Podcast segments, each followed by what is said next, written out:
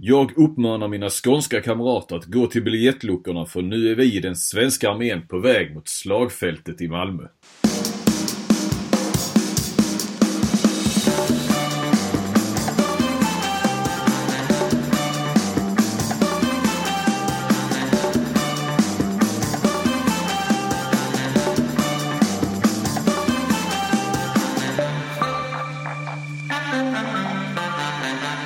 Ett klassiskt, ett klassiskt citat Robin. Ja, det var eh, bättre än jag mindes det faktiskt. Eh, vi ska kanske ge någon slags bakgrund. Det är ju Oskar Karlén som säger det här. Eh, och när, när, var då, eh, när var det han sa det här? Detta är ju under VM 2011 uppe i Göteborg när eh, Sverige är då klart för eh, ja, det andra gruppspelet. Eller de är, det är färdigt där och, då, det står klart att de ska möta Danmark i Malmö va? Mm. Och eh, det är mycket snack om att det kommer komma en jäkla massa danskar då så att det blir som en bortamatch. Och eh, det, jag stod ju med, med Oskar där mixade zonen och, och, och nämnde det. Du, det verkar bli mycket danskar. Det kommer ju bli som en, svensk, som en bortamatch i Malmö. Och då, då ja, slänger han ur sig detta citat som nästan borde bli klassiskt i sin, ja, både i sin stuns och, och formulering och så vidare. Ja men det låter som ett, ett brev man liksom skriver till för att eller ett stort tal man håller till folket inför eh, man ska gå i, man ska gå i krig mot, eh, mot det. det är liksom inget, jag har svårt att se någon framför mig som står och säger detta verkligt i, i tal utan att det är någon som har skrivit ner det från början. Och grabbhalvan är, grabbhalvan är ju 22 år här med, ska vi komma ihåg. Ja. Eh, Oskar Karlén, han, han är 88 tror jag. Han är två år yngre än mig. Men han eh, skulle, alltså han, när man hör honom prata så låter han som att, eh, det, det låter som att han är 10-15 år äldre. Ja. ja. vi kom in på Oskar här just för att han eh, var ju på plats i eh, Kristianstad Arena i, ikväll. Där vi, du och jag också var. Men nu är vi hemma i våra lugna vrår igen och eh, ska podda. Vi hann inte podda i Kristianstad för att efteråt, eh, direkt efter matchen så var det eh, ja, snabba ryck. Eh, intervjuer, skriva lite och sen så var jag tvungen att kasta mig på tåget. Vi hade inte rätt ut tekniken heller och med, hur skulle vi göra om vi skulle sitta på samma ställe? Det är lättare med Skype. Ja, det är ju faktiskt det. Lite tragiskt men det är faktiskt så att det, det är lättare att göra det så här än, än att ses. I varje fall med ja. den eh, apparatur vi besitter så. Ja, precis. Eh, nej, men eh, Oskar var ju där och eh, så hade vi ju nu när vi snackade här lite innan vi skulle dra igång så hade vi noterat att han sågade Guif rätt bra. Samtidigt som han hyllade Kristianstad såklart.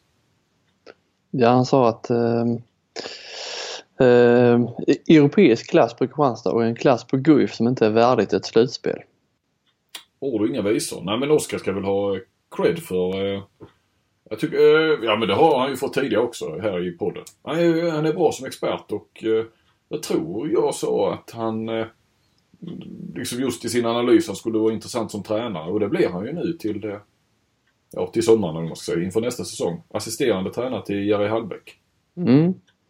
Han satt ju och, det är den här lilla handbollsvärlden, han satt ju och intervjuade den nya Ystad-tränaren satt och intervjuade den gamla, eller den nuvarande Ystad-tränaren i, i TV här förra veckan. Det är så det fungerar i, i handbollsvärlden. När det, det, det är lite folk som huserar på en liten marknad kan man säga. Så är det verkligen, verkligen.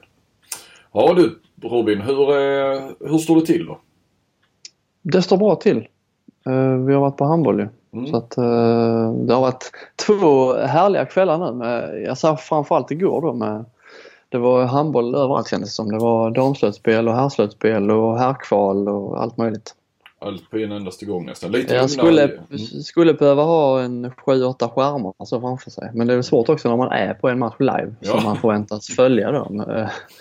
Eh, men nej, det är, det är kul. Fan, det är kul när det kommer igång. Ja, verkligen. Eh, det var inte lika kul för Guif ikväll här. Men vi, vi återkommer väl eh, naturligtvis till, till matchen ikväll som vi båda var på. Ska vi börja med och eh, också tacka våra samarbetspartners som är i vanlig ordning ICA Maxi i Kristianstad. Och Iplay Sport. Mm. Fan, du har blivit noga med det. Har de pyntat in något extra till dig eller? För du är väldigt vad du... Du är blivit noggrann med det. Ingen kommentar. Nej. Fast du får kanske, kanske får makaronerna gratis nu. Uh, falukorven på köpet. Exakt. Eh, nej men de eh, ska vi alltid nämna. Det är bra Ovid. Du ligger ju i framkant där också. Eh, ja, nej men det är slutspelstider och det blir ju ett uh, slutspelsdominerat avsnitt kan man väl säga. Ja, kvartsfinalavsnittet. Det första. Mm. Det kanske blir eh, ett par, tre sådana om, eh, om det rullar på här. I varje fall i några kvartsfinaler. Kan väl gå till en eh, fyra, fem matcher. Det tror vi ju. Den första som spelades, eller som började i alla fall, eh, var ju RIK Sävehof. Om vi nu ska ta dem lite kronologiskt och sen ser vi, var vi, var vi vilka stickspår var vi landar någonstans. Men vi ska nog få ihop det här. Eh, natten till fredag är det i nästan vanlig ordning. Så att när, ni, när det här släpps så är det ju fredag. Det är fredag. ja. Vi kan ju börja med med förresten. eh, Det är ju, vi nämnde ju i slutet av förra podden här att du, du skulle till Stockholm eh, på fredag. Så och sen, eh, sen hände det lite grejer där i Stockholm så man tänkte ju vad fan är Flink mitt i skiten här med, med terrordåd som, som liksom, ja, man, jag känner inte så många personer i Stockholm men jag visste att du var där så man tänkte lite så. fick ett sms av dig. Men du, eh, var ju- du klarade dig undan all skit. Ja men det gjorde jag. Vi var eh, halvvägs till eh, Stockholm eh, när det small. Så att vi var inte nära. Däremot hade vi faktiskt en 20 nervösa minuter som var riktigt eh, eh, då vi var riktigt skärrade i bilen, jag och sambon och eh, sonen. Därför att vi visste att eh, min svärmor, alltså Lottas eh, mamma och pappa och då Edvins kusin för vi skulle upp och hälsa på eh, Lottas syster som eh, firade 50 och så bor i Stockholm. Och att de skulle ses vid, ja, inne i stan eh, vid tretiden och Lotta hade skickat ett bud eh, med sin mamma om att hon skulle gå på Åhléns och eh, köpa, det var en viss grej hon skulle köpa till sin till systern där. Eh, Och vi fick, eh, då började vi ringa direkt till dem och då fick vi ju tag i min svärfar och då Edvins kusin, grabben, som var på väg in till stan. De hade, ja, på väg in till stan för att eh, möta upp eh, svärmor. Men de, då hade ju, detta var ju då, vad var kvart över tre var det kanske när vi fick tag i dem. Och då hade de klivit av i Gamla stan. Eh, för att tunnelbanan gick inte längre. Och de hade väl egentligen sämre hum om, eh, de var inte så uppkopplade heller. Svärfar är drygt 75. Han är väl eh, hyfsat modern men det är ju inte så att han, att han det är, inga, det är nog inga flashar i hans mobil precis så. Men. Nej, Och vi satt ju och lyssnade på radion så vi hade ju, visste ju mycket mer. Än han som stod där i Gamla stan och visste knappt riktigt vilket håll han skulle gå på och vad han skulle göra. Eh, men, eh, och svärmor svarade inte. Eh, och det gjorde hon inte på 20 minuter. De 20 minuterna där var eh, väldigt nervösa för att, ja, då börjar ju tankarna gå ju såklart. Eh, men sen till sist så, eh, och vi fick inte tag i eh, Lottas syster heller. Som också som jobbar mitt inne i stan. Så, så att, även om vi visste väl att hon inte skulle in till stan. Men när vi fick tag i svärmor då stod hon med, med sin dotter då vid hennes jobb. Men hon hade bara varit ja, ett kvarter bort. Hon hade gått där på Drottninggatan ja, en fem, tio minuter innan och gått runt i någon affär och sen så. Ja, jag tror hon var 80 meter därifrån. hur hade hon uh, uppfattat något av det här? nej, hon hade inte uppfattat det. Hon hade inte hört någon smäll eller så. Nu var det ju liksom runt ett hörn och sådär ska vi säga. va. 80 meter var kanske frågan. Det var på andra sidan ett kvarter om man säger så. Ja. Eh, inte förrän hon förstod inte att det var någonting förrän det kom en kvinna springande därifrån då mot henne liksom gråtande och så. Att det var någonting. Och sen så sa det ju Sen var det ju polisbilar och ambulanser och sånt oerhört snabbt. Så det var mest det som hon var eh, nästan tagen av innan hon förstod och såg sen vad som hade hänt och så vidare. Ja, Ja, nej det... Ehm, nej, fy fan. Man satt... Det, när det blir sådana här grejer, man får en flash i mobilen och så får man en till och så när man inte är hemma så vet vad fan... Man kan liksom inte gå in och läsa heller men sen när man kommer hem så det man, liksom man sätter sig framför TVn och man vill liksom inte grotta ner sig men sen sitter man framför TVn och följer de här livesändningarna, vi kom knappt liksom i, i säng. Man sitter hela kvällen och sen sitter man hela dagen Mm. efter. Man, ja, det är något som gör att man... Det är en jävla olustig känsla allting. Ja, ja. Ja, precis. Nej, det var det verkligen. Samtidigt var vi ju då oerhört lättade då efter, eh, ja, en timme efter dådet när vi hade fått klart för att svärmor mm, mådde bra och inte var inblandad på något sätt. Så att, Ja, jag kan tänka mig det att när man har sån riktig sån oroskänsla och Mm. sen när det visar sig att det liksom eh, alla man liksom eh, känner så är OK så blir det kanske en lättnad. ja, Ja, eh, det är många olika känslor som när man följer det på håll och man vet att man inte har någon, har någon man känner så i närheten så, så är det mer eh, så är det en annan känsla. Det måste Mm. vara en miljon olika känslor folk har. ja, absolut. Så är det. Ja, vi ska vi lämna det och eh, ta oss till, eh, till raskt. Eh, En, en, en, rask övergång till Redbars Lead. Eh. Svår, ja. Precis. Den hade du nog lite bättre koll på än vad jag hade. va? För att jag satt ju i bilen där ett gott slag av den matchen och, och sen installerade mig i, i Lund och så vidare. Så att jag, ja, jag hade den på lite grann då i första halvlek på, på eh, Lugi Ystad där jag satt. Du satt väl också så live eh, i och för sig? Eh, Ja, jag satt ju- mot Lugi. Mm, men det var ju så väl så att eh, det var ju extremt många matcher den kvällen. Men eh, det var ju så väl så att eh, RIK Sävehof började en timme tidigare, eller en halvtimme. Men, ja, halvtimme var det kanske bara. Tidigare än Mm. resterande matcher. Så man kunde ju se rätt så mycket av det. Mm.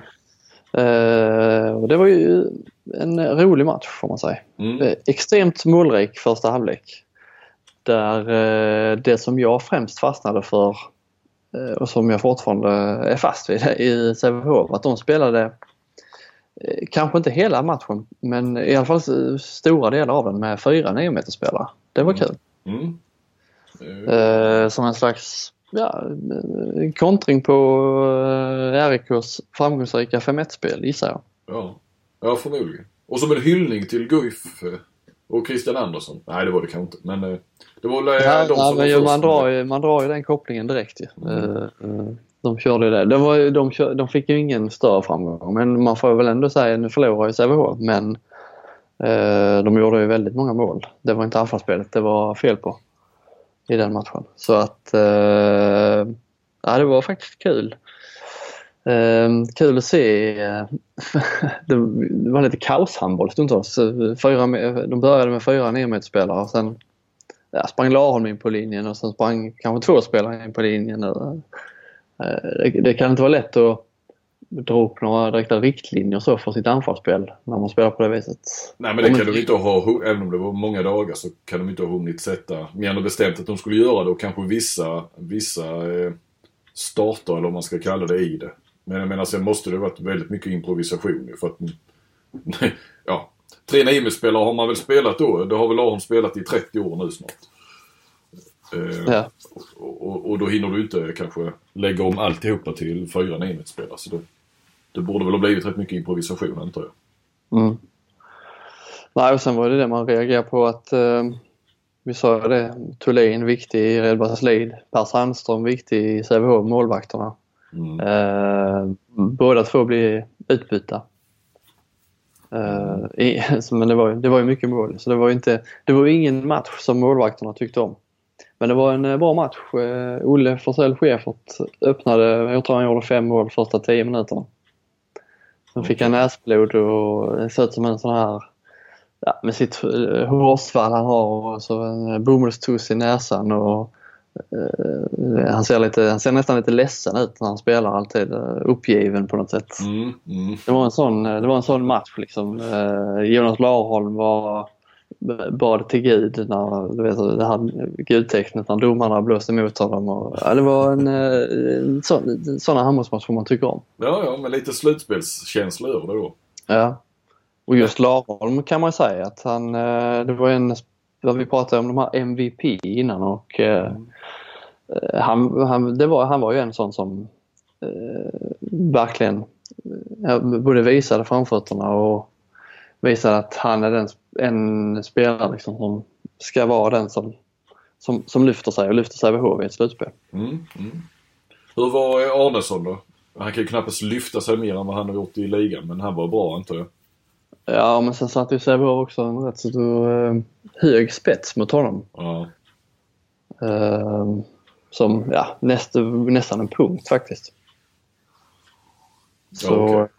så, så uh, ja, uh, om man bara tittar individuellt så kanske inte den matchen var en sån match som han tyckte var så rolig att spela. Nej, nej för så, ja, ni hör ju själva att jag inte så så mycket. Jag känner bara att jag kan verkligen inte ha sett mycket. För man hade bara på lite grann så hade jag en snäcka i ena örat men satt mest och tittade på min match. Men jag tyckte bara det var några gånger de sa då att Arnesson hade gjort rätt Det var ju andra halvlek i slutet av matchen att han Det känns som att han har gjort rätt mycket mål ändå och sådär. Men det var... Ja, han gjorde två. Ja, Han gjorde ju sköt, sköt bara två så att... Uh, Okej. mm. Ja, ja, det var ju märkligt. Ja, jag kanske har hört fel där. Men sen förstod jag ändå att Thulin var rätt bra i slutet av matchen när han kom in igen va? De kom in lite hipp som happ där ja. Uh, jag vet inte vad han hade, vad han landade för. Ja, jag såg inte det heller. procent. Jag tror att uh, 32 ser jag nu när jag kollar lite kvickt. Så att, Mm. ja. I, I journalisttermer så hade väl han fått uh, 2 av 5 skulle jag säga. Ja, okej. Det var Sandström. Han- Men, eh, Sandström eh, undrar jag om inte han hade fått uh, underkänt. ja, för det kändes ju ändå som, det lilla jag förstod av matchen så kändes det ändå som att Thulin var bättre än Sandström i mål. Ja, han var 28 procent. Anton Hagvall kom in där eh, i andra halvlek och Mm. var väl inte eh, särskilt mycket bättre så. Men eh, Sandström är, där är en sån, eh, vi pratar om nyckelspelare, det är ju alltid målvakter. Men eh, han är ju en sån målvakt som det känns som att han borde kunna lyfta sig. Mm. Tror vi, ju- tror vi fortfarande. Han har inte utmärkt sig under grundserien så att eh, nej. Nej. Eh, Jag vet inte om han är eh, slut som artist som man brukar säga men eh, man tror inte det. Nej, men han är ju faktiskt 36 år i år. Är han 36? Ja, han född 81. Han och Kjellman är 81. Tycker han ser yngre ut. Ja. Det känns. Men eh, målvakter eh, som sagt. Det har vi ju tjatat om. Men det, det, det, det såg vi ju redan nu här i kvartsfinalerna. Kommer ju bli avgörande i, i när, det, är- när, det är, när vi snackar slutspel. Precis som de är oftast är avgörande i alla handbollsmatcher. Men, eh, Ja men i sån här match då när ingen, det är jämn match hela vägen in i mål. Ingen av målvakterna eh, liksom utmärker sig. Hade, det hade ju räckt liksom att en målvakt hade spikat igen eller ly- lyft sig så hade, så hade det ju liksom, då hade man ju vunnit matchen. ja. Nu vann ju RIK matchen men jag menar, du förstår vad jag menar. Mm. Ja, absolut. I, i, I den matchen jag var på då, om vi ska gå vidare lite. Eller, ska vi göra det? Eller? Ja, Ja. kör. Där var det ju två bra mål. Där var ju två målvakter som egentligen borde ha vunnit. Eh, båda två, eller man ska säga, matchen åt sitt lag. Men nu råkar de ju då stå i, möta varandra så att säga och stå i varsitt mål. Eh, samtidigt. Hängde du med på det? Typiskt, ty, typiskt att det skulle vara två mål- målvakter som stod i två olika lag. Ja. men som var bra samtidigt menar jag. Mm. Eh, när man hade varit Sandström i det ena holken så hade ju det andra laget vunnit. Utan, alltså med all respekt för Sandström och ingenting mot honom. Men, men just som om han inte var så bra igår då. Nej men det var ju Anders Persson i Ystad och eh, Oskar Jensen i Lugi. Lite kul för eh, 14 år sedan vann de UVM-guld ihop. Ja, jag läste det att du, eh, att du skrev det. Det var lite, det lite häftigt. Vem var, eh, de var tre målvakter nämligen. Rättare sagt så var Jensen, eh, han stod bara i en gruppspelsmatch i, borta i Brasilien var det. Sen satt han på läktaren. Eh, Anders Persson var väl nog den som var mest någon sorts första målvakt om jag förstod rätt. Vem var tvåa? När är de födda? De är födda 82-83. Mm. Alltså det här i den här årgången var det. Jag tror båda de här är väl 82 år. Eh, den andra målvakten vet inte riktigt om han är 82 eller 83. Eh, Du har ju det skrivit inte om honom i Det är vår. inte Capelin. Jo då, visst är det det. Mm, Sådär. det Eh, var en bra gissning. lite, lite kul med det här eh, det UVM-laget där. Alltså det blev ju, det är ju spelare som onekligen har präglat kan man säga lite både landslag och ligan och sådär och gör det fortfarande. Under hela, ja rätt mycket under 2000-talet. Eh, Du hade ju Kim Andersson eh, Mm. i det laget. Eh, Larholm. Fredrik Petersen, Fredrik Lindahl som är i Malmö båda två nu va. Joakim Ernstson var med. Assisterande tränare i Lugi. Ja, vilka, det är ett gäng. Rasmus Vremer. Mm. Lukas Karlsson. Mm, tänker om Niklas Grundsten kan ha varit med också. Nu är lite, lite på halt vatten här kanske. Eh, ja, hur som helst så... Alla har, blivit, alla, alla har blivit internationella spelare men inte riktigt eh, världsklasspelare. Om man bortser från Kim kanske. Ja. Ja, sen så... Gedig. Ska jag, jag dra laget du? Jag drar laget. Ja. Anders Persson, Kapelin, Oskar Jensen i mål. Bystedt, nu vet jag inte vilken ordning, jag bara läser här på det, det är förbundet som har någon sammanställning. Martin Bystedt, vad fan gjorde han? Trots evig eh, högersexa. Ja precis, han har ju lagt av nu men han gjorde väl en 14-15 säsonger. Jonas Larholm, eh, Robert Johansson, eh, Odén heter han numera, Sävehof, jäkla massa SM-guld va? Eh, Mm. Niklas Grundsten ja, Ernstsson, Kim Andersson, Fredrik Petersen, Olof Ask. Vad var det? H43? Eller Lugi? H43 va? Vad var det? Sebastian Geisler var väl också H43 va? Mm. Fredrik eh, Lindahl och Rasmus Vremer. Eh, två spelare, eh, svenska spelare All-Star Team. Anders Persson och Kim Andersson. Och turneringens mest värdefulla spelare Kim Andersson. Nej men det var väl Kim som blev världsklass, men Larholm eh, hade ju en hyfsad karriär får man ju lov att säga. Ja, jo. Eh, och alla känns som sådär, jag vet inte, samtidigt har det väl varit under min, mina år också som i, i det här yrket. Men det känns som de där har man skrivit rätt mycket om till och från. Men det är, ingen, det, är ingen som, det är ju ingen som försvann. Alla var ju med jävligt länge. Ja, alla har gjort många, åtminstone elitseriesäsonger, definitivt. Och varit Ja. profiler i sina lag och sådär. Eh, Det var väl Olof Ask som kanske försvann rätt tidigt, eller jag vet inte riktigt. Men... Ja, men jag tror alla, eller nästan alla av dem har väl gjort någon landskamp nästan. Det, det har de inte alla. Men, vad sa du? Olof Ask. Mm. Vad har vi på honom? Svend, Svendborg i Danmark. Mm. Men spelar han fortfarande? Nej, Nej, menar du? Ja. just det. Han spelar ju i ditt lag OV. Ja. 2011 till 2014. Sen slutade han. skäms ju lite att jag inte hade bättre koll. Men jag får erkänna, jag har inte sett OV mycket i och med att de har legat i Allsvenskan.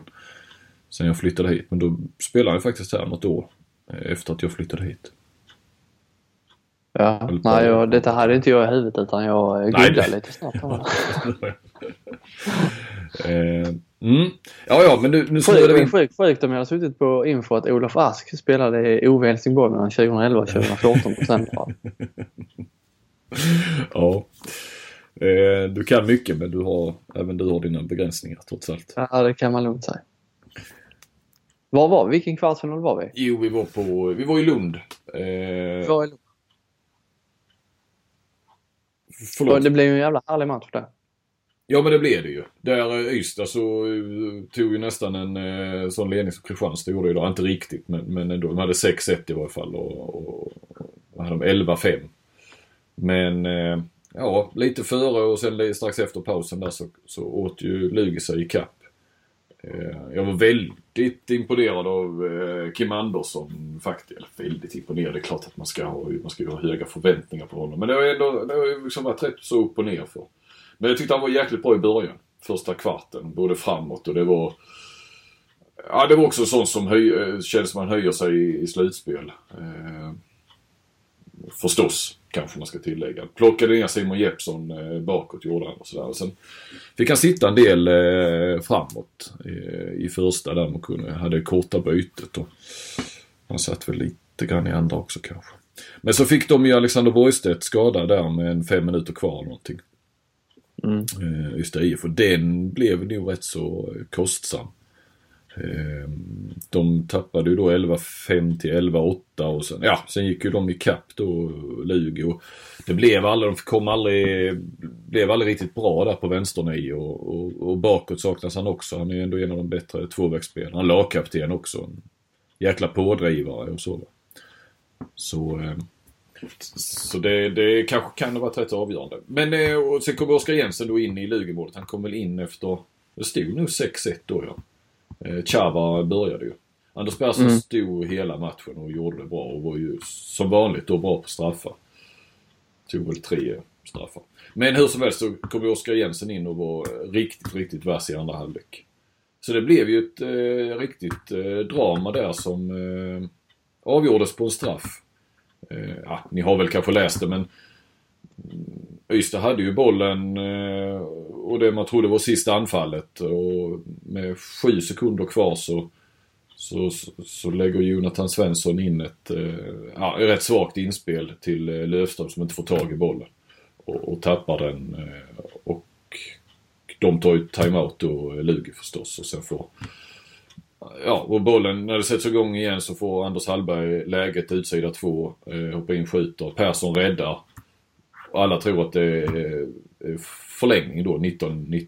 Men då har eh, Klik och Johansson hittat en ut, både en utvisning där på, eh, det var Jonathan Svensson igen, han var ju en riktig otursgubbe där sista sekunderna då. Först eh, då det misslyckade inspelet och sen är det han då som Ja, jag har inte sett det i repris eller i efterhand så jag, jag kan inte alls, ingen uppfattning om men det var ju, känns inte som någon solklar eh, utvisning och straff då framförallt. Det blir ju straff också. Och den gick Det känns som en sån här eh, klassisk eh, eh, för att säkra upp. Eh, ibland är det tveksamma straffar. Så, så för, för liksom att säkra upp eh, kan man ta, eh, domarna, då tar de också en utvisning för att liksom visa att vi har sett något som inte Ja, ni andra har sett här. Mm, mm. Det vet, det, vet jag, det vet jag av erfarenhet, det är en taktik. Det har jag nämligen fått som råd på en sån här domare. Okej. Ja, bra. Bra med sådana små vilket, tips. vilket jag stör mig något fruktansvärt på. Men eh, det här var ju, var, skulle jag säga, typiskt sånt läge. Tveksam straff. Vi tar en tvåa med för att visa att vi Mm. har minsann koll på läget. Mm, mm. Men, men eh, har du sett i efterhand? Ja. Ja. Det, jag har egentligen ingenting att... Alltså straffen, hade det varit i Champions League eller internationellt så är det ju straff. Så är det ju straff. Mm. Du vet utsida två, det räcker man petar. Men eh, i Sverige så hade kanske, eh, jag vet inte hur många domarpar de är, så att med 12 domarpar så hade kanske sex domarpar dömt straff, sex hade friat. Mm, mm. Det är ändå ett läge där de väljer att det hade ju varit lättare att släppa det trots allt. Det hade ju inte avgjort matchen. Det hade ju gått till, ja det kan man ju säga indirekt hade avgjort det kanske för Lugi. Men, men det hade ju gått till förlängning. Mm. Ehm, Men så ska man inte tänka såklart som domare. Ehm, Utan ser man någonting så ska det väl vara straff oavsett vad det står. Ja och sen tror jag att det, det finns svåra lägen och det finns lätta läge, eller svårare och lättare lägen att blåsa straff. Och om eh, en mittsexa får ett avslut så är det lättare att blåsa straff när någon eh, petar på en lite. Och eh, det här utsida två också, också en sån variant där det blir liksom det är lite lättare att blåsa straff i sådana lägen än kanske om kantspelare till exempel. Mm. Ett kantavslut är lite lurigare. Man ska, ska man blåsa straff här eller fria? Det är nog lättare att fria där. Men Mm. eh, här tror jag särskilt då, nu dömde Klick och Johansson, dömer mycket internationellt eh, och har ju också en internationell prägel. De då som mer straffar eh, utsedda två än övriga domare, är min känsla. Ja men det var Jag- faktiskt jag- jag också inne på. Han var inte förvånad att det blev straff där med de domarna sa.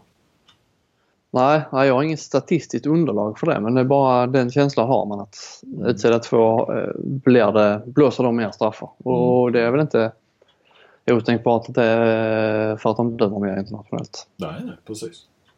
Och det måste vara jävligt svårt med när man dömer internationellt för där är ju mycket tydligare riktlinjer att utsida två eh, kontakt eh, så ska det vara straff. I Sverige eh, har man ju en lite, jag vet inte om man ska säga tuffare bedömning eller lättare bedömning eller så men det, det är en annan bedömning i alla fall. Mm, mm. Ja, hur som helst så stegade Simon Jeppsson fram och, och smällde dit då eh, 2019 till Lugi och eh, Anders Persson och många andra just, eh, spelare och ledare var ju eh, besvikna på domarna och eh, det vädrade ju också Persson eh, när han fick eh, eh blev, fick en mikrofon eh, under hakan, säger man så. Eller han fick väl hörlurar på skallen. Nej men det var ju Simon som eh, tog honom direkt där i en TV-intervju. Sen fick vi, eh, och då sa han att han tyckte det var katastrof.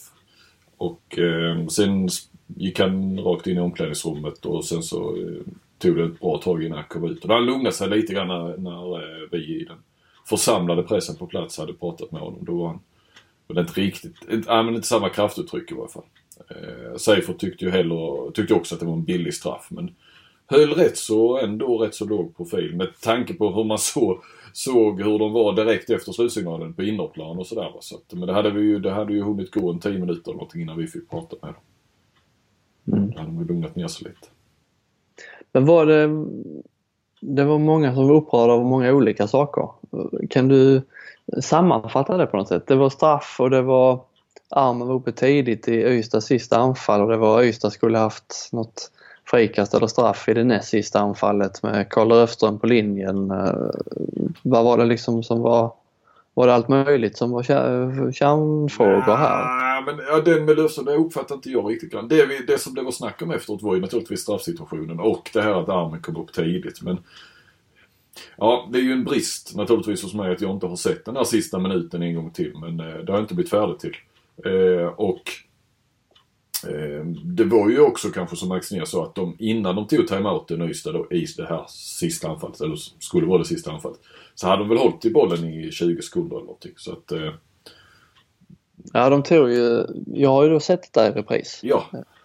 Vilken tur. Ja, jättebra. Ja. Men de hade ju bollen i 12 sekunder eller 10. Eh, sånt här.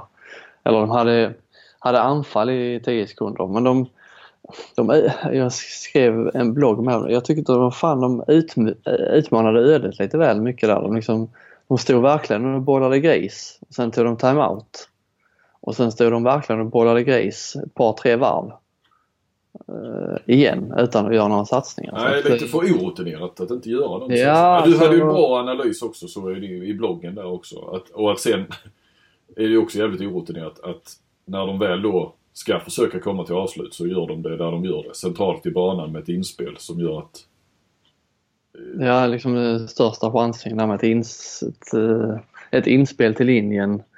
Det, visst, det är ju en bra taktik om man får in bollen till linjen för då vet man att ja, det, eh, chansen är rätt stor att få straff. Mm. Men jag vet man skulle vilja höra den här sista timeouten har man inte hört med vad de ville göra. Nej. Men, men jag får nästan anta eller utgå från att riktlinjerna var att ta ett frikast snabbt. Men de stod ju bara liksom bara bollade och så kom armen upp och de fortsatte. Det var, det var aldrig någon liksom som utmanade. Nej. Eh, om man tittar på, det var ju haft några sådana här eller situationer i Champions League där med Rhein Löven och när de mötte IFK. Att mm. De gick ju hela tiden in en pass, utmana, en mm. ny pass, utmana och så spelar de bort 1.20 liksom direkt. Men här var det, Ystad de liksom stod, det hände ingenting. De, de stod och bollade. Jag tyckte inte det var så konstigt att armen kom upp tidigt för det, det de gjorde ingenting för att visa någon slags vilja att anfalla och vilja att göra mål. Nej. Lite Nej. så, eh, Kim Andersson är ju ändå en eh, minst sagt rutinerad här. Att inte han kunde mm. gått in och mm. Eh, han, han är ju rätt så, han vet ju vad som krävs för att få ett frikast. Ja, definitivt. Ja, nej, han är rutinerad men, men Svensson på vänsternio då som var inte, är ju inte särskilt rutinerad. Nej.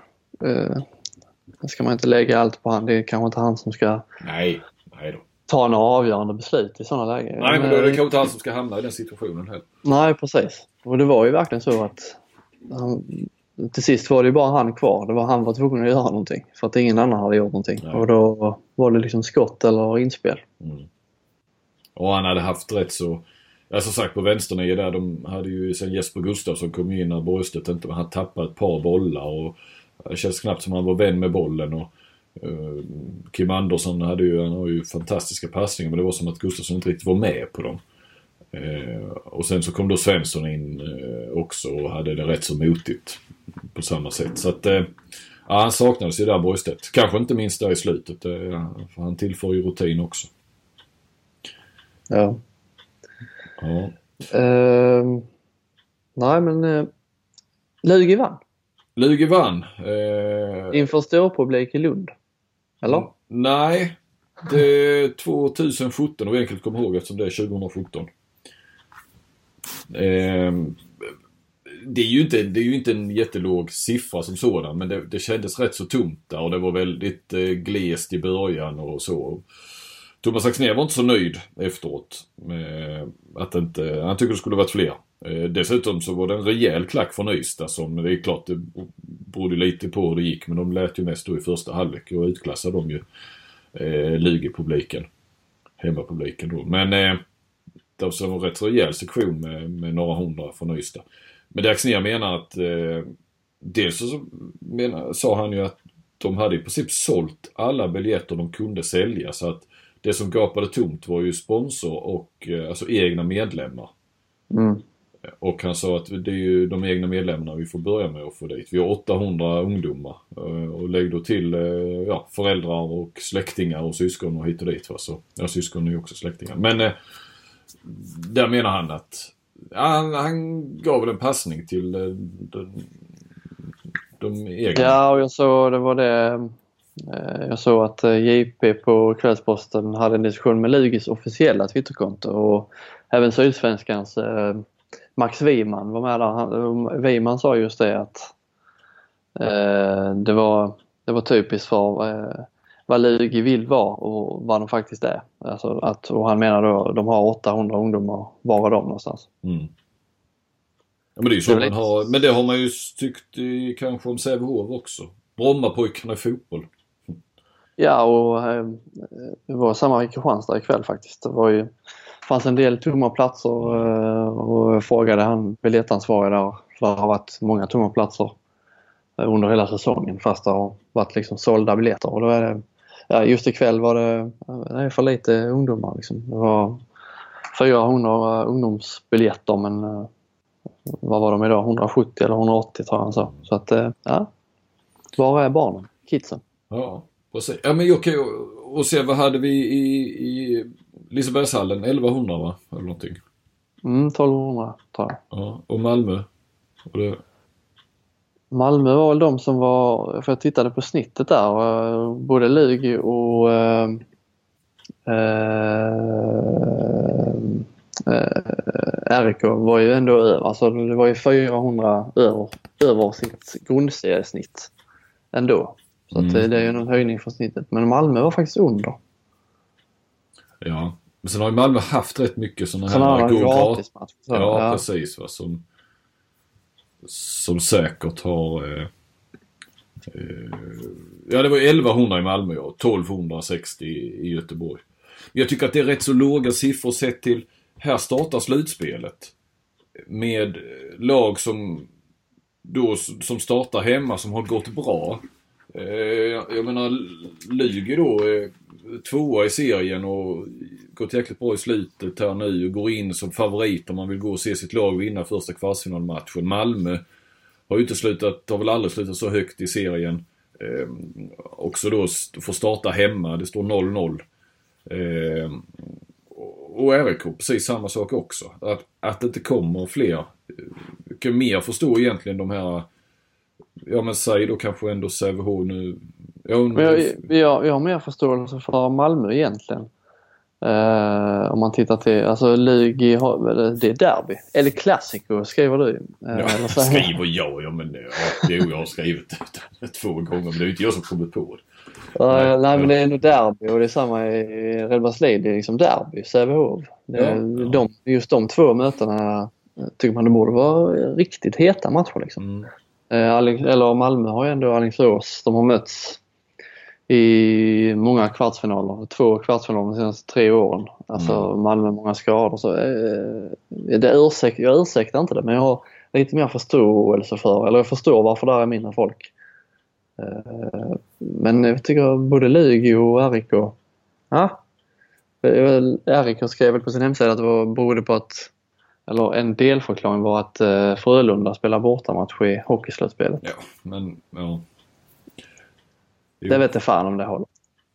Nej, jag har ju haft en, en eh, i och för sig en, en rätt så bra beskrivning med, det tror jag att jag har nämnt här med Tony Larsson, klubbchef i RIK när jag träffade honom uppe i Göteborg just om att RIK som varumärke inte är så starkt i Göteborg. Det är snarare starkare utanför i, i övriga Sverige. Sett till de framgångar man hade därför att i Göteborg så tycker eh, klubbarna eh, eller handbollsfolket då att att man roffade åt sig spelare från eh, de olika klubbarna utan att ha en egen ungdomsverksamhet då på 80 och sen framförallt på 90-talet. Ehm, och att i Göteborg, sa han så, handboll blir ganska nischad i en så stor stad som Göteborg. Till skillnad från i Kristianstad, Ystad och Lund kanske där, när man är den stora sporten. Och där Frölunda och IFK Göteborg är de stora varumärkena då, då är inte Botox Cosmetic, Atobatulinum toxin A, FDA approved for over 20 years. So, talk to your specialist to see if Botox Cosmetic is right for you. For full prescribing information, including boxed warning, visit BotoxCosmetic.com or call 877-351-0300. Remember to ask for Botox Cosmetic by name. To see for yourself and learn more, visit BotoxCosmetic.com. That's BotoxCosmetic.com. RIK ett så stort varumärke i, i, i Göteborg plus att det här gamla sitter i. Utan i, i Göteborg då går de handbollsintresserade men de, där är konkurrensen rätt hård då med Sävehof och sen tillhör man sina olika klubbar då. Stora klubbar med många medlemmar, många spelare och sånt. Men de går inte att titta på RIK för att de, det finns något gammalt agg också. Sådär. Så att, mm. Men, äh, jag vet inte riktigt. Man kan inte heller bara det är fortfarande en, en jäkligt mycket större stad än, än Kristianstad, Ystad och många av de andra. Ja, det är ju en större stad än, än alla andra utom, i Sverige utom Stockholm då ju. Mm. Så, så måste det, och skylla då på att Frölunda spelar dessutom borta. Det, ja, det, jag vet inte. Eh, jag gillar Tony Larsson och det var väl kanske inte han som hade svarat så här va? men det är så lätt att, att, att skylla ifrån sig på något vis. Ja, ja men samtidigt är det ju inte bara ett...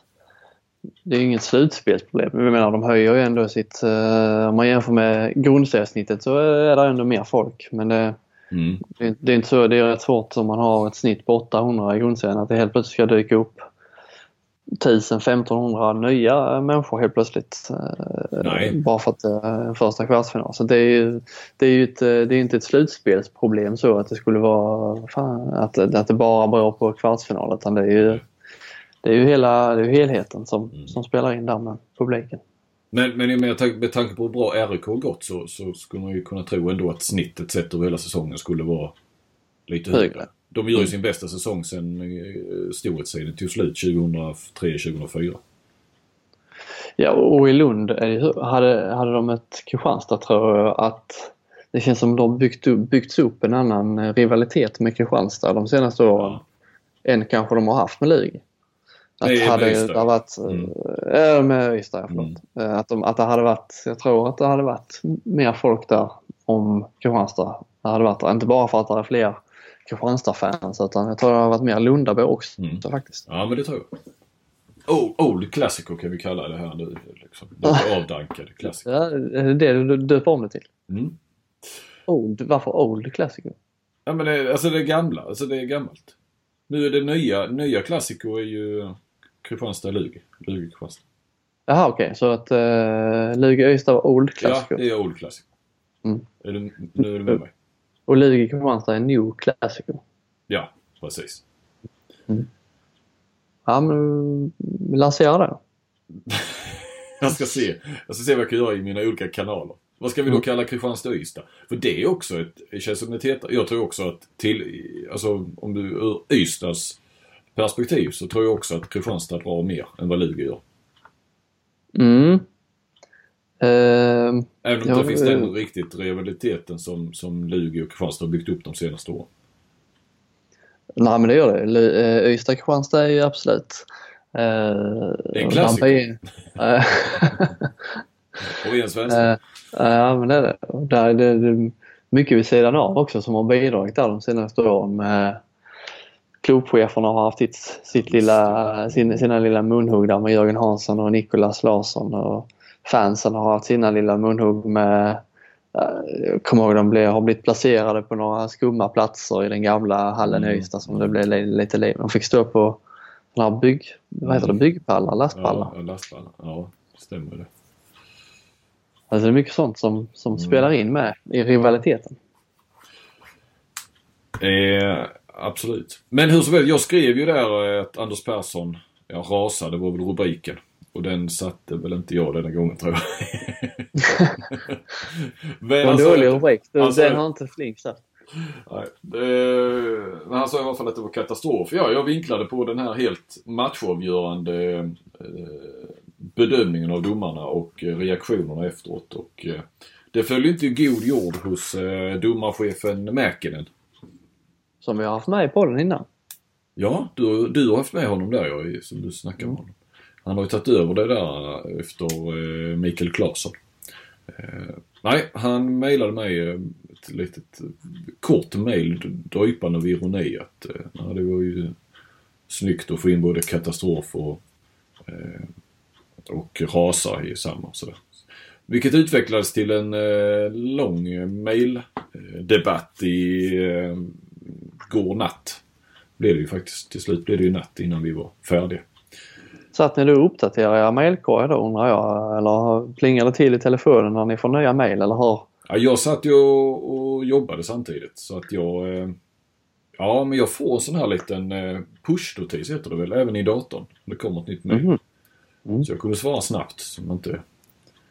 Eh, så sett. Och han svarade också rätt snabbt så han var också på hooket där. Nej, han Jag kan, inte... jag, kan, jag kan se detta framför mig när ni, när ni sitter eh, du blir, du blir lite irriterad då och så blir han lite irriterad. Ja, ja. Eh, går- ingen, ingen vill gå och lägga sig för båda. Fan. Nej, man vill ju inte vika ner sig och, och eh, heller va. Man vill ju Nej. ha sista ordet. Det är väl lite så. eh, nej, vi, vi, vi förstod inte varandras eh, så, så, så mycket kan man väl säga. Även om vi någonstans ändå skildes åt med ett, eh, ja, vi kommer Glad inte påsk. längre. Ja, nästan. Vi, vi kommer inte längre, ha det gott, hej. Ungefär så. Eh, nej, han tyckte väl att eh, jag vet Det, var. Jag, det, var, det var för mycket domarfokus helt enkelt, eller? Precis, och att eh, det här att man skriver så spär på då kanske föraktet mot domarna och så. Det, det är möjligt, men eh, jag menar det, det var väl nästan och sen visst, sen vinklas det och det vinklas ganska hårt och det är Aftonbladet och så vidare då. Ur det, eh, menar jag på det negativa sättet då, ur hans synvinkel. Eh, Aftonbladet på ett negativt sätt. Men jag tycker det är svårt att komma runt att man inte tar upp det. Och när man såg också Anders Persson som var oerhört, jag skulle säga han var galen på domarna, är väl att ta i. Men man såg ju direkt efteråt där att Eh, jag skulle lämna en signal, eller signal, en, en text på slutsignalen också. Så, så som ja, man brukar försöka göra. Va? Men det, det blev ju så spännande i slutet. Det vände ju och sådär. Och sen så kände jag också att jag kunde, hade inte möjlighet att sitta kvar en 5-10 minuter heller. Eh, och skriva klart den där. Du vet när det blir så avgörs i slutet. Då måste man ha några minuter. Du, du kan ju inte skicka iväg. Du måste ju beskriva vad som har hänt i slutet och ändra texten och så vidare. Men jag bara slog ihop datorn och kom fram till att jag måste ju ändå ner och, och, och liksom försöka få ändå lite det spontana. Så att inte jag kommer ner sist när alla har pratat med, med och fått det känslomässiga och sådär. Eh, Så därför så jag lämnade ingen text direkt utan jag ville snacka med dem först. Nej, man känner igen det där med domarvinklingar. Det är inte alltid så populärt. Nej, men det, det, de är ju en del av spelet och när de eh, har en, eh, ja, en avgörande roll så är det väl svårt att... Och, inte- och när spelarna uttrycker som de gör också så, så är det svårt att undvika att skriva om det tycker jag. Jag tycker nästan att det skulle vara tjänstefel. Och, jag vill inte spä på något domarförakt men jag vet inte. Jag tycker han skjuter lite i bibäraren också. För det är ju trots allt spelarna och ledarna som, det är de som säger någonting och de är ju inte, de är ju inte helt eh, vad ska man säga, otränade medialt heller. Eh, Anders Persson är ju, har ju varit med ett antal år. Både internationellt och nationellt. Och Seifert också för den delen. Så att, eh, ändå så... Domar, Domarna har faktiskt haft en eh, ganska lugn säsong i år känns det som. Med tanke på ändå att vi har haft rätt många eh, nya regler och så de ska... Ja. Ja, det är ju du som driver. Det är ju under din lupp de är ständigt. Så att, eh, Ja, jag anklagas ju för att vara... Eh, ibland, eh, jag känner mig som en domarälskare men anklagas för att vara en domarhatare. ja. Spär- Jag tycker de har, det har varit en bra domarsäsong ändå med tanke på mm. alla märkliga, eh, alltså alla märkliga regler de har haft att anpassa sig till. Ja. Nej men det är väl bra. Då får vi in en eh, liten, ja det var väl en hyllning av domarna då ju. Kan vi passa bra det. Hoppas Mäkinen lyssnar. Det, var många eh, av, dem, av det jag såg var det, det var ju Öysta där eh, var det mycket domarsnack och jag reagerar också på den vi var inne på innan med Sävehof, eh, eller RIK och Sävehof. Just det var Sävehof när de, de, de kände sig väldigt för, eh, eh, bortdömda skulle jag tro med, med tanke på deras eh, eh, Forsell Schäfert fick utvisning för snack där sista Mm. Just när de, de jagade desperat efter de sista målen så fick, fick de en utvisning med sig. Jag vet inte vad Forsell Schäfert Fan han sa några väl valda där då så fick han också utvisning. Så de, fick ju, de hade ju läge där att spela 6 mot 5 men så fick de ändå avsluta med 5 mot 5. Mm. har inte läst några reaktioner så direkt i alla fall de rasade efter matchen men eh, det, det börjar eh, brinna till eh, i hjärnorna hos spelarna nu och eh, då, då sätts ju domarna också på prov känns det som. Ja men så är det. Och sen så... För jag menar till Mäken lite där att mm, det är väl... Jag kunde tycka det är väl spelarna, det är ju de som... Det är väl de du i så fall ska ta ett snack med och han menar att det är, den dialogen finns och sådär. Samtidigt som jag, jag menar, både du och jag i våra roller vill vi ju ha känslorna och, och, och åsikterna och så. Så att egentligen vill man ju inte att spelarna inte ska våga eh, tycka till om saker och ting, om domarna och så. så att, eh, Jag tycker inte det här, det här var väl inget märkvärdigt egentligen. Det, är- fan, eh, det är ett domslut som avgör matchen. Det är väl klart det blir reaktion. Ja, en kvartsfinal eh, i slutsekunden. Det, ja, ja, det, jag tycker det är också. Hade, hade, det, hade de inte dömt straff så hade det kanske blivit motsatta reaktioner fast det var Lugi som, som uttalade sig istället för eh, Anders Persson. Ja, fast jag tror inte, hade de låtit bli där så hade det ju blivit en förlängning och ja, och säg att Lugi hade förlorat det. Jag tror ändå de inte hade Ja, det kan, då hade, då hade lett till andra. Ja, det hade funnits andra situationer som hade varit mer avgörande kanske. Mm. Inte och nödvändigtvis inte då av domarna utan som de själva hade försatt sig. Ja, du, eh, ska vi lämna den matchen? Ska vi ta oss till eh, Baltiska hallen? Ja, det får, blir nog rätt så kort. Eller? Ja. ja, och så eh, höjer vi publiksiffran från 1103 till 1105 när vi tar plats i Baltiska hallen. Mm. Den har vi väl rätt så, om vi ska vara ärliga, rätt dåliga koll på va?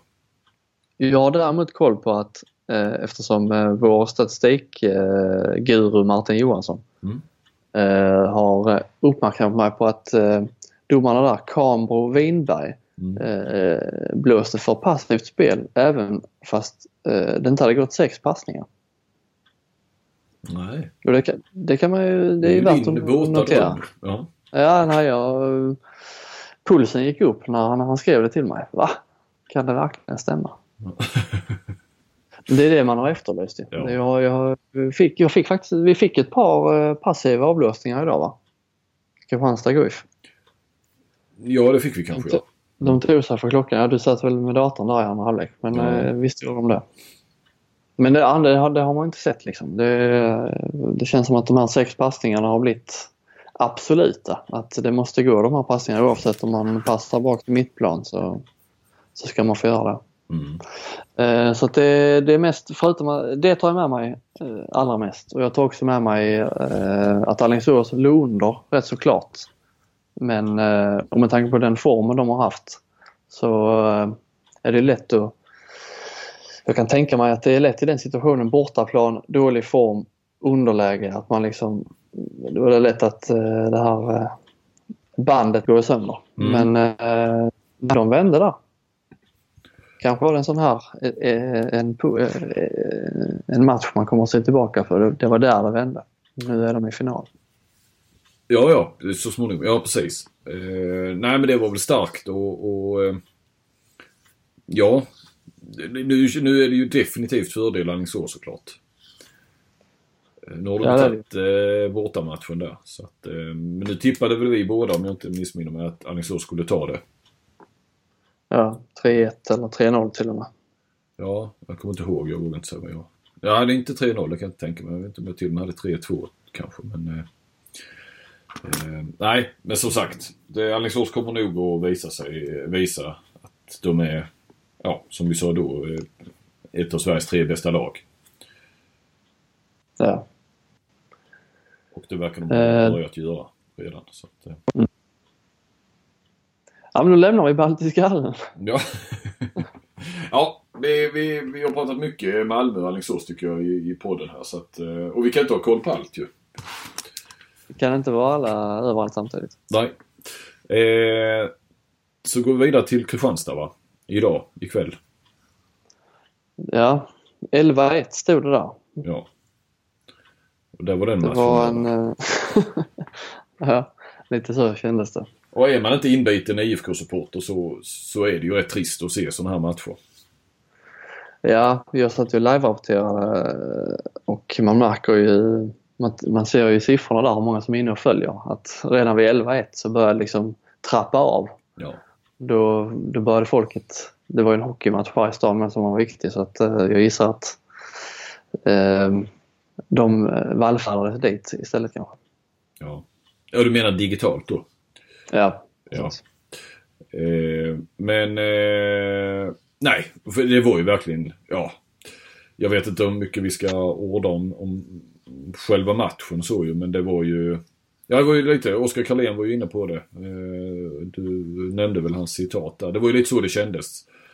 Väldigt vad de kändes små och, och, och lätta i, i, där i första halvlek i anfallsspelet på 9 Mm. meter Guif. De kom ju absolut ingenstans och det var ju som bolltroll och Glenn Göransson noterade i paus där att, eh, vad heter han, Lille Ekman, Marcus eller? mm, mm. Han vägde, han har ju kollat det då i någon faktauppgift, han vägde, vägde 71 kilo. Mm. Och det är, ju, det är ju 30 kilo mer än vad, än vad de gör där i mittblock, eller egentligen 200-300 nästan, i, i Kristianstad. Jag tror att kilo mindre va? Ja, ja precis. Ja, ja definitivt. Sa jag, sa jag mer så menar jag mindre. Eh, nej, och Ja, vilket gjorde att de körde totalt fast. Simic stod ju dessutom eh, det mesta som gick igenom. Det var inte så mycket som gick igenom. Och, och sen kontrade de ju då. Eh, det När var- man tittade, tittade på Simic, han hade 52 i räddningsprocent. Man tänkte, fan, hur gick det till?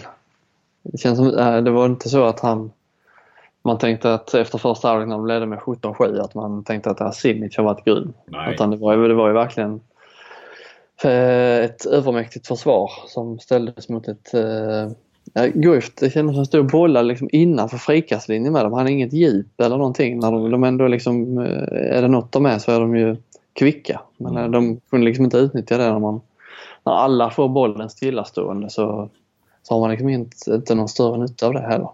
Samtidigt som IFK gjorde. Alltså de tajtade ju till det. De jobbade ju fantastiskt i försvarsspelet. Det var ju en... Ja, de kom in i det jäkligt bra i matchen. Mm. Ehm, måste, alltså det här mentala, de måste ju landat på helt rätt, vad ska man säga, våning där på något vis i, i, i ingången till matchen. För jag menar de här har de ju gått och väntat rätt länge på den här. Det var ju Ola inne på också, vi har väntat länge men samtidigt uppenbarligen har de ju använt den här tiden som de nu äntligen fick en hel del dagar att förbereda sig på. Det har ju varit ett jäkligt tajt spelschema med Champions League. Att de utnyttjat de där dagarna men ändå inte kom övertända och sådär va. Och, liksom, risken fanns ju. Men jag tänkte bara när det stod där 11-1 då hade ju ändå det säger en del att Adam Krantz i Guif-målet hade alltså fler räddningar än vad Simic hade. Mm. Han hade tagit fem, fem skott då. Och Simic fyra tror jag. Och ändå ja, så ledde Kristianstad med 11-1. Ja, ja, nej men det säger ju en del. Det kändes inte som det var några skott som tog sig fram till Simic där. Nej, nej. Ehm, ja. Och det Man har, svårt att se hur, man har svårt att se hur det ska liksom en annan match, alltså hur de ska kunna vända på detta eller göra någon, ja. Nej, de kommer inte bli... Lille Ekman kommer inte väga 100 kilo på Helt söndag. Nej. Nej. Eh, Nu handlar inte allting om kilo naturligtvis. Och, och, eh, ibland har vi blivit förbluffade hur eh, Kristianstad har kunnat förlora mot Aranäs ena dagen och sen... Vad har de sen? Slagit Vardar eller någonting i... Jag har slagit Kiels eh, nästa gång. Ja, ungefär va. Så, så eh, och, och nu är det borta och det är 4000 i Guif där men eh, nej. Nu är det, jag, jag trodde väl 3-1 till, till eh, Kristianstad men nu, nu måste det måste ju bli 3-0. Ja, ja nej. Det, den känslan står ju fast och har förstärkts efter, efter kvällens match. Stig-Tore Moen var ju en riktig, ett, ett utropstecken. Ja, verkligen. Alltså de gör ju, då gör Kristianstad detta. De, de hade 11 målskyttar i matchen. 11 utspelare med. Det var ju inga, inga sådana långa från Simic eller Leo Larsson. Så 11 utspelare och alla spelade utom Albin Lagergren. Som är väl egentligen då är ju kanske, ja, den, ja har väl varit årets bästa spelare i IFK kanske. Ja, Simic har väl varit bättre kanske. Ja, men bästa utespelare i alla fall. Ja.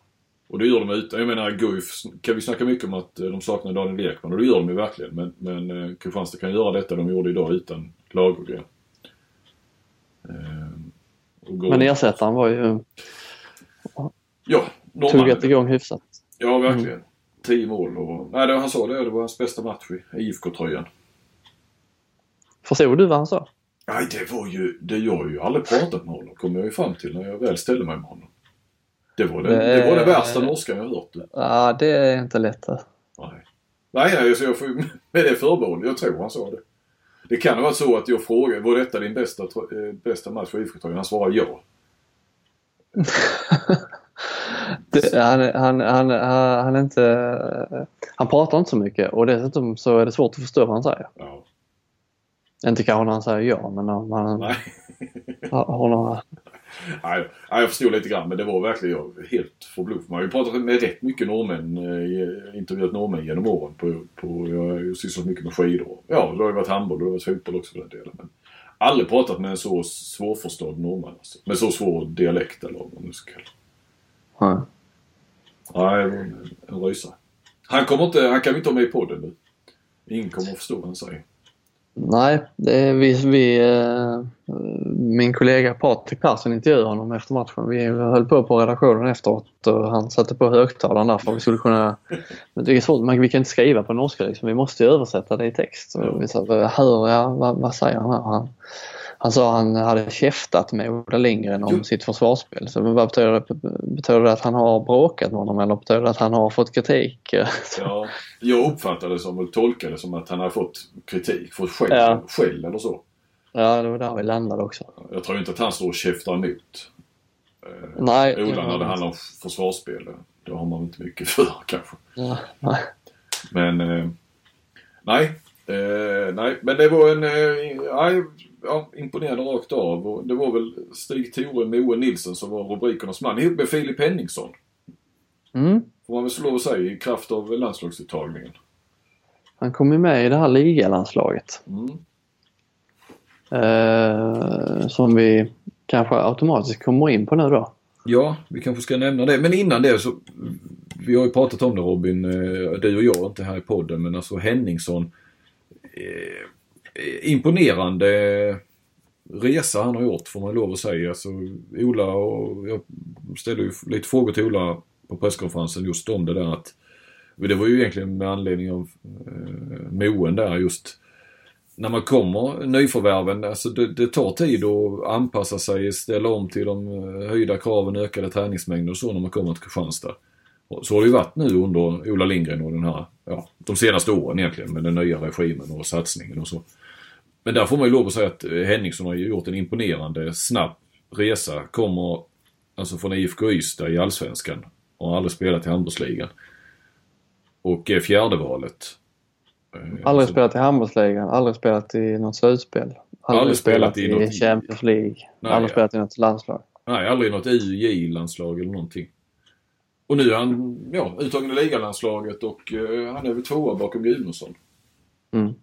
Ja, han var ju fjärde val. Det var ju väl eh, det alla utgick från Mm. från början. Det var ju Gudmundsson och det var Tatarinse, Sasha, Ja. som vi inte har nämnt på länge. Ja, Eh, ja. och, och det var ju eh, även Inge Åse Eriksen som eh, hade ju varit där ett år redan. Mm. Det var ju bakom de tre han eh, sågs från början. Men nu har han ju ja, varit första val ibland men eh, ja, i alla fall andra val bakom Olaf där. Mm.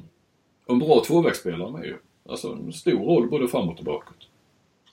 Jag tror att hans eh, roll bakåt är ju det som gör att eh, Lindgren har eh, blivit lite kär i honom på något sätt. Ja, Men jag tror att, jag, jag kan... Alltså jag har inte pratat med, med Lindgren mycket om honom men, men jag förstår ju att han uppskattar när det kommer en ung kille och liksom bara... Ja, Köttar klar- på. Köttar på och, och tränar och klarar av det. Alltså, han var ju lite mer sval när det gällde när vi pratade med Owe Nilsson där på presskonferensen. Du var ju också där att du var väl inne på, ja men nu får han ju mer ansvar sådär och då menade Ola att såg å ena sidan är det den mest spännande spelaren, vi, en av de mest spännande spelarna som har varit i Kristianstad. Samtidigt som man vet aldrig vad man får med honom. Det kan gå åt andra hållet också. Ja, nej det har ju varit verkligen en, eh, framförallt under hösten var det ju ena matchen succé, andra matchen eh, fiasko. Så Mm. att, eh, men eh, han har ändå blivit jämnare under Ja. våren. Och sen har han ju haft skadeproblem också. Det har väl inte Henningsson haft på samma sätt va? Nej, nej. Eh, Men, men, eh, nej, men jag förstår ju att eh, Ola gillar Henningsson. Eh, När man går den vägen och... Eh, ja, jag tror eh, alltså... Han lägger nog ner allt det jobb som Lindgren vill att de ska göra. Mm. Så det kan man komma rätt långt på också. Ehm, Ja, ligalandslaget. är det några namn du reagerar särskilt på? Eh, Förutom att det inte är något ligalandslag i den bemärkelsen man tänker sig. Det är ju från Sverige, Tyskland, Norge och... Ja, eh, Norge. Mm. Eh, alltså det, ja, du kan säkert hjälpa mig men det var väl inget sådär jag direkt... Eh, alltså sådär jag tänker på att den saknades eller så skulle varit med istället för den. Jag menar det här man ju, resonerar vad det är för vilken bild eller vad, Det är svårt med att... Vad är det för ett landslag? Är det ett B-landslag eller liksom de som är nära A-landslaget men som inte kom med, ska de vara med här? Eller är det framtiden? Ska du liksom vara Ja, högst precis. 23-24 år? En sån som Marcus Olsson eh, tänkte jag ju på direkt. Han har inte varit med i landslaget på ett tag. Nu är han inte med här heller. Är han någon slags i något, någon limbo däremellan då så han är, Ja, han är varken eller liksom. Nej, precis. För att, Det är, det är inte så att han är... Ja, skulle man bara gå på ålder så är inte han äldre än... eh, Alltså Linus Arnesson är 27 liksom. ja, ja. Och, och jag menar Marcus, jag menar Ola och Staffan kunde ju alltid säga att ja, men han, han har vi koll på. Det kan ju inte Christian säga på det viset att han själv har haft honom. Nej men det fick jag där. Uh, Wander svarade där. Jag frågade just det, hur ska man se på det här landslaget? Är det, ett, är det ålder i första hand eller hur, hur ska man se på det? Men då svar, skrev han där att Olsson, eller det är inte så man ska resonera, Olsson, eh, Andersson har koll på Olsson och Olsson har koll på A-landslaget. Ja, okej. Så, så mm. Ja. Jag tror det är svårt att applicera den, eh, vad ska man säga, förklaringen eller så på alla. Eh, Ja, det är liksom vissa spelare eh, är det ålder, vissa spelare är det... Ja. Så det ska man nog vara som förbundskapten vara försiktig med egentligen. Alltså Emil Frände Öfors eh, som var med hela... Han har varit med på alla Christians samlingar. Mm. Eh, både den utan att spela då, var den han hade på hösten där och sen så hela VM, var med och spelade VM. Eh, han var ju inte med i förstås den med ty- där bara Tysklandsproffsen kunde vara med. Men, men eh, nog vet han, nog kan de också varandra. Andersson och Frände Öfors. Om Mm. nu ska gå in på den. Eh, Men eh, nej, men det är ju lite notera Niklas Kraft i Malmö till exempel. eh, Är med utan att ha kanske varit eh, en av de allra bästa i, i ligan och definitivt varit andra målvakt bakom Beutler. Men han måste vi, den målvakten måste de gå rätt mycket på ålder. Mm. Det är säkert också kopplat, det här med ålder är ju också lite kopplat hur det ser ut just på positionen. Eh, Ja, ja. Kan jag tänka mig. Thulin är ju given där då förstås. Ska ju vara med i ett sånt här ligalandslag. Eh, Men är Ja, han du? Ja. Ja, nej men eh, högersex tänker jag ju.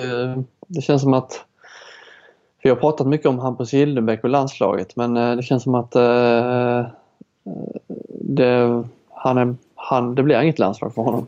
Nej. Nu är ju han 30 år liksom, så att det är ju ingen... Eh, han, han kommer inte in på någon ålder liksom men eh, nog hade han platsat i ett sånt här landslag annars om han hade, om han hade varit yngre. Jag tycker han är före eh, Jim Andersson till exempel. Även om Jim också är, är bland de tre bästa i ligan skulle jag vilja säga.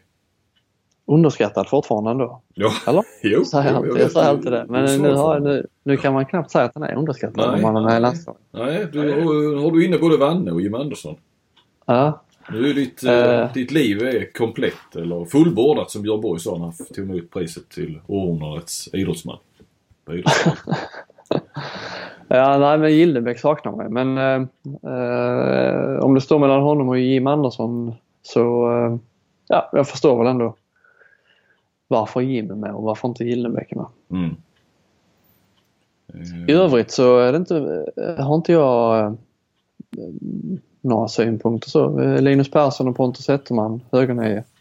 Puyol får göra lite landskamper. Mm. Och landskamp. Och räknas det som landskamp? Nu ska de möta Rico. nej. Nej, det kan du inte göra. Det kan du inte göra.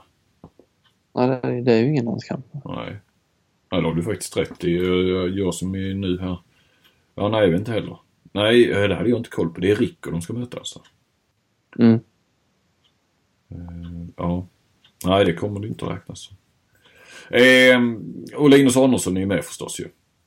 Det är Mm. ju de som tycker han skulle varit med i det riktiga landslaget också. Erik har ju fått rätt bra utdelning då med Thulin, Arnesson och sen Karlsbogård. Mm. Karlsbogård eh, får man hålla rätt högt som försvarare inte minst. I det här RIKs 5-1. Ja, han gillar mig. Om de ska hitta någon ny Kjellman då eller... För annars kommer väl inte landslaget att spela 5-1 precis. Men det kanske är han som är framtiden då. Så att de ändå kan göra det. Han är inte, han är inte oäven som eh, Nimet spelar heller. Karlsbogård. Sen har vi Mårsten, Hammarby. Mm. Eh, Anton Lindskog är också där. Eh, det är med en sån som har varit med liksom, i riktiga landslaget och som så lite som Frend Öfors. Ja, som Mm. som eh, man väl har koll på. Ja, ja precis. Så det är, liksom en, det är en salig blandning. Ja men så är det ju. Så de är nog uttagna på lite olika, lite olika parametrar här skulle jag kunna tänka mig. Ja. Det var herrarnas kvartsfinaler efter första omgången. Men damerna har ju kommit en match längre.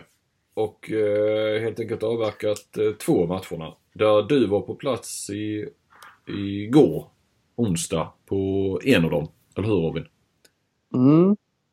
Det är ju, de flesta har ju tippat, eh, ja, alla jag har sett har tippat 3-0 till Lugi i matcher där mellan Kristianstad och Lugi och eh, det ser det väl ut att bli ändå men eh, det var ju rätt så jämnt där faktiskt. Eh, Kristianstad gjorde match av det hela vägen mot eh, en av guldfavoriterna i alla fall, Lugi. Mm.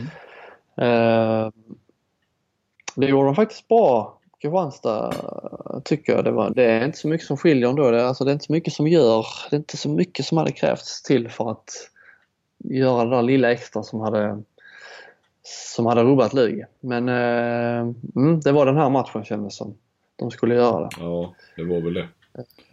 Då är det Eb- Ebbinge nu som svingar tränarpiskan eller? Japp, han är tillbaka. Ja. Och Lite, kompletteras. var lite miss, eh, ja, eh, kompletteras av... eh, Ja, nästa, nästa säsong tänkte Ja, jag. det, det, det. Ja, ja, med Uffe, Ulf Schäfert där ja. Mm. Tar över nästa säsong. Det blir ett lyft för hela föreningen. De ska ju ta SM-guld inom tre år. är ju eh, Sten Rahed stark man i KHK. Det vet ni. Ja. Det är hans, eh, eh, eller klubbens vision. Vision 2020. Men kan man säga då va? Mm. Or- orken tryter liksom. De spelar ju med i stort sett samma uppställning hela matchen. Så att det är ju när det, när det ska avgöras där liksom. De, de hade Lunder med 18-19 och sen har liksom kämpat i motvind hela matchen. Legat under med tre mål, kämpat sig ikapp. Tappat till tre mål, kämpat sig ikapp. Och sen ja, de där sista minuterna då när det ska avgöras, de har 18-19 så eh, eh, mycket individuellt, mycket bök och stök. Så det, det är ju ofta tecken på att eh, man börjar bli lite trött när man Mm. inte eh, när det blir mycket individuella eh, utmaningar och så. Ja, absolut. Men Men de har ju lite spets i målvakten Satrapova så att eh, det, och det är viktigt. Mm. Men kan chef, lockar Schäfert tror du som, som tränarnamn? Ja men det är ju det man inbillar sig i alla fall att eh, Stefan Wall har ju, alltså jag, man har inte jättemycket synpunkter på dem så. De har ett strukturerat spel den här säsongen om man jämför med, med tidigare år och har också bättre spelare. Så att, men eh, just namnet så tror jag är viktigt om man ska locka till sig det är spetsspelare man behöver liksom och då mm. Ulf Schäfert har ju en, en lite annan tyngd kan man mm. säga. Mm. Ja men verkligen. Men är det klart att Ebbinge ska Ja, jag tror inte det verkar som att det blir han som blir assisterande trots allt. Det verkar på eh, Raveda som att de vill gärna ha in en kvinnlig assistent. Mm. Mm. Ja. Eh, men Ebbinge skulle väl vara kvar och hålla typ eh, B-laget då i division 3 och kanske något ungdomslag och så. Mm. Eh, kan det bli Johanna Wiberg eller? Ja, tror du det? Nej, jag, tror jag vet inte. Jag att locka henne till sig i en sån, i en sån roll. Nej, nej. Men det hade ju varit, eh, då hade det varit jackpot på ledarsidan kan man säga. Men det var ju mm. som chefen också sa. Det, ska du ta SM-guld så uh, spelar det ingen roll hur många tränare du har. Du måste ha spelare på banan. Ja, ja precis. Eh, vad har vi mer på damsidan? Det lutar rätt mycket åt att det här kommer att vara rätt så eh, snart färdigspelat på alla kvartsfinalhåll va? Det var ju Skövde mot H65. Skövde ledde ju länge där men... Eh... Ja, 2013 tror jag. Skövde. Mm. På hemmaplan. Men tappar, tappar. och förlorade med 24-23. Där var väl den stora chansen att kunna ta en, en av kvartsfinalerna till åtminstone fyra matcher. Men eh, nu är väl frågan om inte Hört tar det eh, hemma i nästa. Ja, alla, alla, alla lagen leder med 2-0 i matcher. Lugi, Sävehof, H65 och Skure. Och alla, tre har ju, eller alla fyra har ju hemmamatcher. Så att eh, eh allt talar för att det blir kvicka kvartsfinaler. Ja. Och Sävehof imponerar ju väldigt mycket. Det gör de ju, men de har ju också Ja, de, det känns, de möter det klart sämsta laget, det tycker jag ändå att de ja. gör. Så att, eh, men samtidigt, Ligi förlorar sista grundspels, grundspelsmatchen där, Västerås. Och det är inte så att det sprudlar om dem nu, även om de har vunnit två raka. Så att eh, Kristianstad var ju ändå liksom nära ändå att rubba dem nu. Mm. Och, eh, ja, nej, om man tyckte ligan det var, det kändes som att det här var året då Lugi skulle kunna rubba Sävehof så man har ändrat uppfattning, uppfattning lite faktiskt. Mm, mm. Ja. ja, den som lever får se. Mm. Men eh, kvalmatcherna till, elit, eller till handbollsligan, det är likadant där. Det är med, eh, de, de, har bara spelat en match men eh, där började ju de här lagen som kommer ner från Allsvenskan hemma och mm. alla förlorade. Eh, Hammarby slog Amo i den här tungt upphypade matchen som eh, fick stor uppmärksamhet i alla medier om lilla Amo. Ja, i varje fall fick ju klubben Amo en stor uppmärksamhet mm. och, och den ja. ja. historien om, sagan om och allt vad vi kan kalla det. det.